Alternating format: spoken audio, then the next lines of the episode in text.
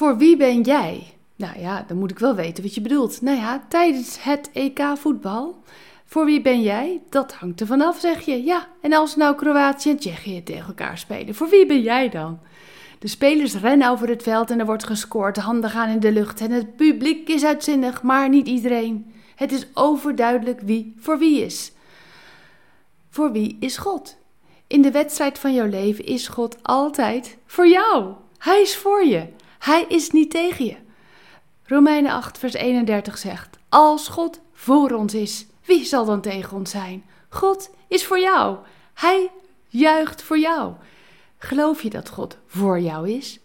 Als je dit gelooft en tot in alle aspecten van je leven laat doordringen, gaat je leven veranderen. Wanneer voelde jij je nou een verliezer? Kijk, God keerde zich niet tegen jou. Hij was voor jou. We, lezen prachtige teksten in de Bijbel waarin we dat kunnen zien. God bewijst dat Hij van je houdt, doordat Jezus stierf voor jou. Romeinen 5. In Johannes 15. Je bent een vriend van God. Hé, hey, dan is Hij toch voor je? Of Johannes 1. Je bent een kind van God. En 2 Korinthe 5. Je bent een nieuwe schepping. En 2 Korinthe 5 opnieuw. Je bent verzoend met God. En Filippenzen 4, daar staat: Je naam staat in het boek van het leven. 1 Johannes 2. Jezus komt voor jou op. En Colossens 1. Je bent vergeven. Wat prachtig. God is voor jou. Hij is nooit tegen jou.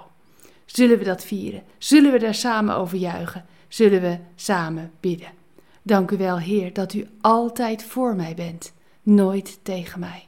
Met u kan ik rennen in de wedstrijd en ik weet dat u me helpt, dat u voor mij bent.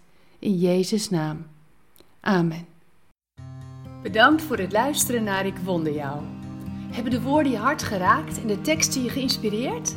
Gun ook anderen Ik Wonder Jou. Meld ze aan bij www.ikwonderjou.nl. Ik ben zo blij dat je bestaat.